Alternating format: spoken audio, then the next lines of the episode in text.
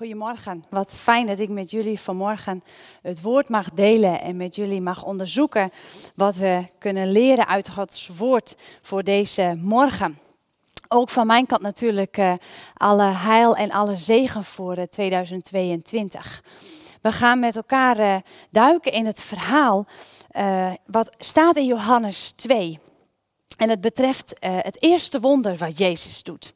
En uh, u mag het uh, zoeken als u de Bijbel op schoot heeft, bij tafel, misschien wel in bed, of nou, waar je ook maar zit of bent. Pak de Bijbel erbij om met mij mee te lezen, Johannes 2 en dan versen 1 tot en met 11. Een van de mooiste, meest bijzondere wonderen eigenlijk wel die Jezus doet. Op de derde dag was er een bruiloft te Cana in Galilea. En de moeder van Jezus was daar. En Jezus was ook voor de bruiloft uitgenodigd en zijn discipelen. En toen er een tekort aan wijn ontstond, zei de moeder van Jezus tegen hem: Zij hebben geen wijn meer. Jezus zei tegen haar: Vrouw, wat heb ik met u te doen? Mijn uur is nog niet gekomen. Zijn moeder zei tegen de dienaars: Wat hij ook tegen u zal zeggen, doe het. En daar waren tien stenen watervaten neergezet, volgens het reinigingsgebruik van de Joden. Elk met een inhoud van twee of drie metreten. Jezus zei tegen hen: Vul de watervaten met water. En zij vulden ze tot de rand. En hij zei tegen hen: Schep er nu iets uit en breng dat naar de ceremoniemeester. En zij brachten het. En toen de ceremoniemeester het water geproefd had, dat wijn geworden was, hij wist niet waar de wijn vandaan kwam, maar de dienaars die het, wijn, eh, die het water hadden geschept wel. Riep de ceremoniemeester de bruidegom. En hij zei tegen hem: Iedereen zet de goede wijn voor. En wanneer er goed van gedronken is, daarna pas de mindere. En u hebt de goede wijn tot nu bewaard. Dit is eigenlijk het kernvers wat nu komt. Dit heeft Jezus gedaan als begin van de tekenen te Cana in Galilea. En hij heeft zijn heerlijkheid geopenbaard en zijn discipelen geloofden in hem. Ik lees hem nog een keer voor, dit laatste vers. Dit heeft Jezus gedaan als begin van de tekenen te Cana in Galilea. En hij heeft zijn heerlijkheid geopenbaard en zijn discipelen geloofden in hem.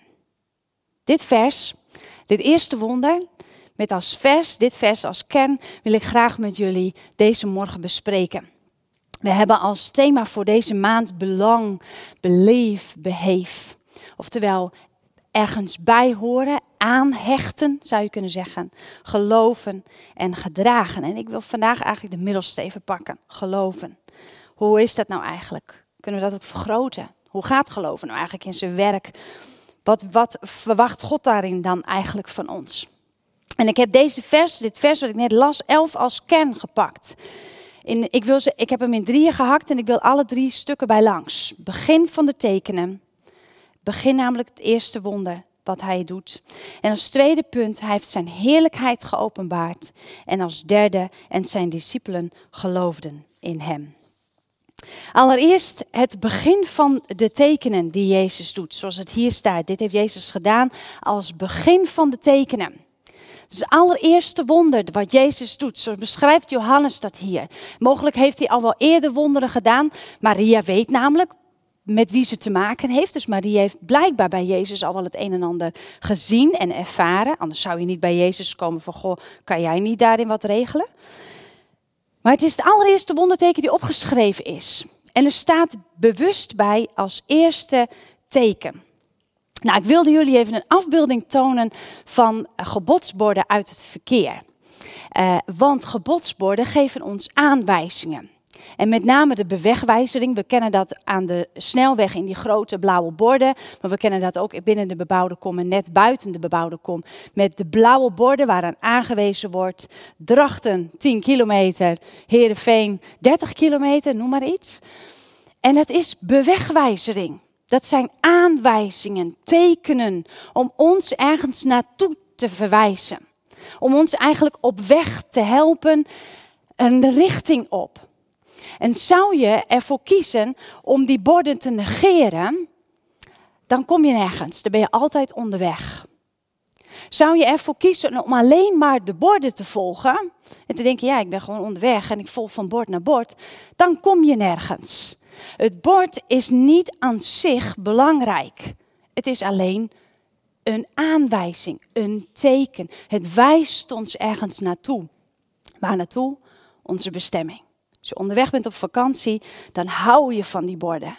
Maar je gaat ze niet aanbidden. Want je weet, ik hou van die borden, want ik weet dat het me gaat brengen waar ik graag naartoe wil. De wegwijzering, verkeerstekenen geven ons een richting. Het zou gek zijn als we daar blijven staan. Mooi bord en we blijven daarbij staan. En hoe vaak zie ik dat in mijn leven? Maar herken ik het ook wel bij een wonder. Ik zou het wel in een cadeautje willen plakken, willen verpakken. En ik zou het op de kast willen zetten en ik zou ernaar willen kijken. Dit zijn de wonderen die Jezus gedaan heeft. Oh, wat hou ik van de wonderen die Jezus gedaan heeft. Maar het zou hetzelfde zijn als bij het blauwe bord buiten drachten blijven staan. Wat hou ik van het bord wat aangeeft dat dit drachten is. Dan schiet het zijn doel voorbij. Het eerste wonderteken doet Jezus om ons ergens heen te wijzen. Hij verwijst naar iets. En waar verwijst hij dan naar? Dat is het tweede punt uit vers 11. Hij heeft zijn heerlijkheid geopenbaard. Elk wonder dat Jezus in jou en in mijn leven doet.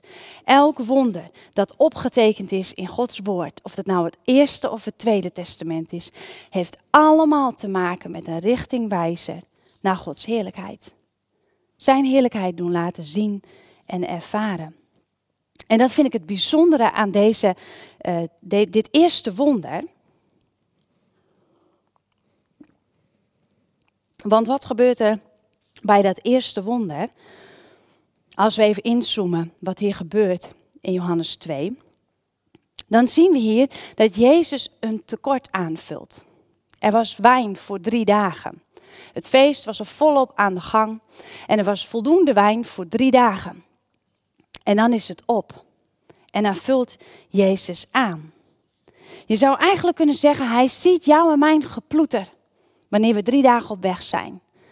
Wanneer we het op onze eigen krachten die paar dagen wel redden. Maar wat hier gebeurt is een bruiloft in het, in, uh, het Midden-Oosten van die tijd. En dat was een grote happening. Dat was een enorme grote happening. En het mooiste was nog zelfs om dan te laten zien wat voor familie en gezin je was. Dat je welvarend was.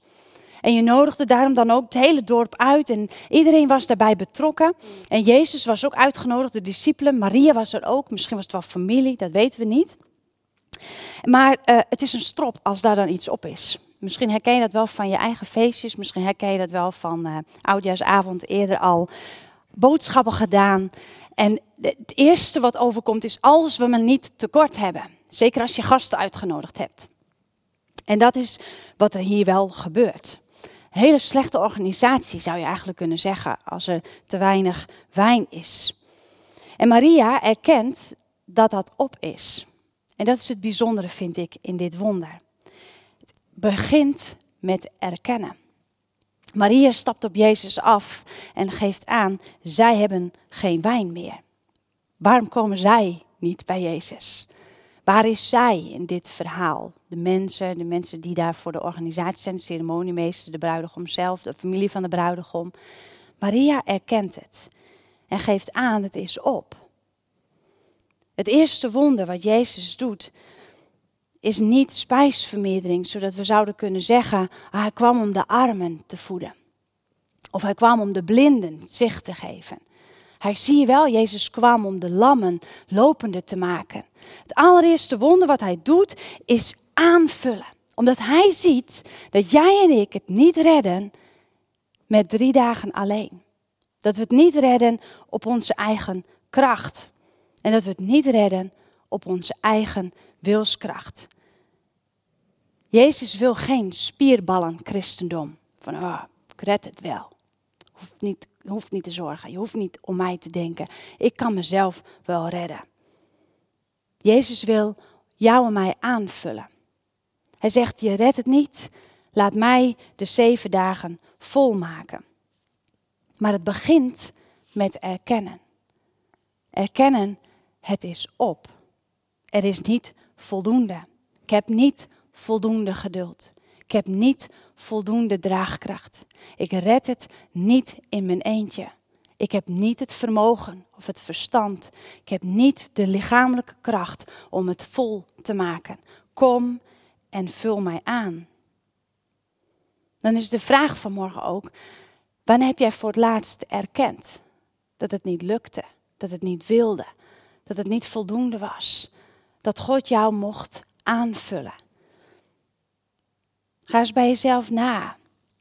Hoe gemakkelijk verval je in spierballen christendom? Ik red het wel. Kan het wel alleen.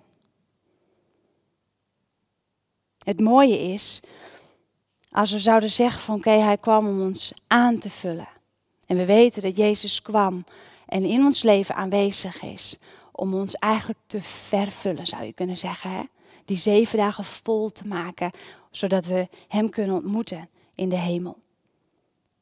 Maar het is niet op zich dat Jezus iets doet in jouw en mijn leven, wanneer Hij een werking doet in ons leven. Want wat zegt punt 3 uit vers 11?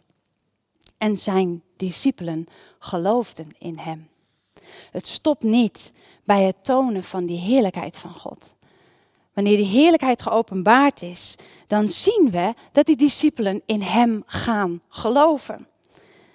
En ik vind dat bijzonder, want die discipelen waren in Johannes 1 al geroepen. Jezus had ze verzameld en ze waren al achter hem aangegaan. Je kunt dus volgeling zijn zonder te geloven. Je kunt dus blijkbaar achter Jezus aan zonder te geloven. Deze discipelen waren achter hem aangegaan op een bruiloftsfeest, zien daar water in wijn veranderen en pas dan geloven ze in hem. Wanneer jij vraagt om een teken, wanneer jij vraagt om een wonder van Jezus, dan mag je verlangen naar het zien van zijn grootheid, zodat je geloof gaat groeien. Want dat is waar God naar verlangt. Dat ons geloof gaat groeien en wij in Hem gaan geloven.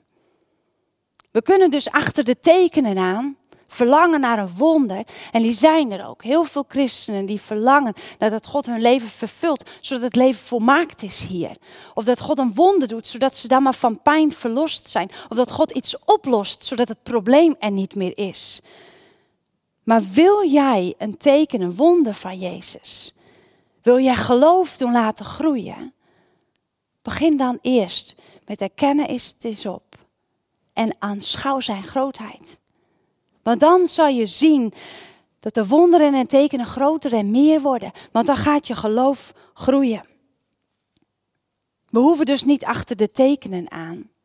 We hoeven niet achter de wonderen aan. We hoeven niet de ochtend te starten met Heer, vergroot mijn geloof. Maar we mogen ons uitstrekken naar Heer, ik wil uw grootheid zien. Openbaar mij waar mijn tekort zitten. Want dan erken ik het. En dan kunt u aanvullen. Ik heb hem als jaarthema voor mezelf bepaald eigenlijk in mijn schriftje. Ik vind het mooi om met één woord het jaar te beginnen. En ik dacht, ik ga starten met erkennen. Het is een breed woord natuurlijk. Erkennen van wie mensen zijn, erkennen van wie ik zelf ben. Maar ook erkennen wanneer er tekorten zijn. Erkennen, Heer, het lukt mij niet alleen. Sterker nog, ik wil het niet alleen.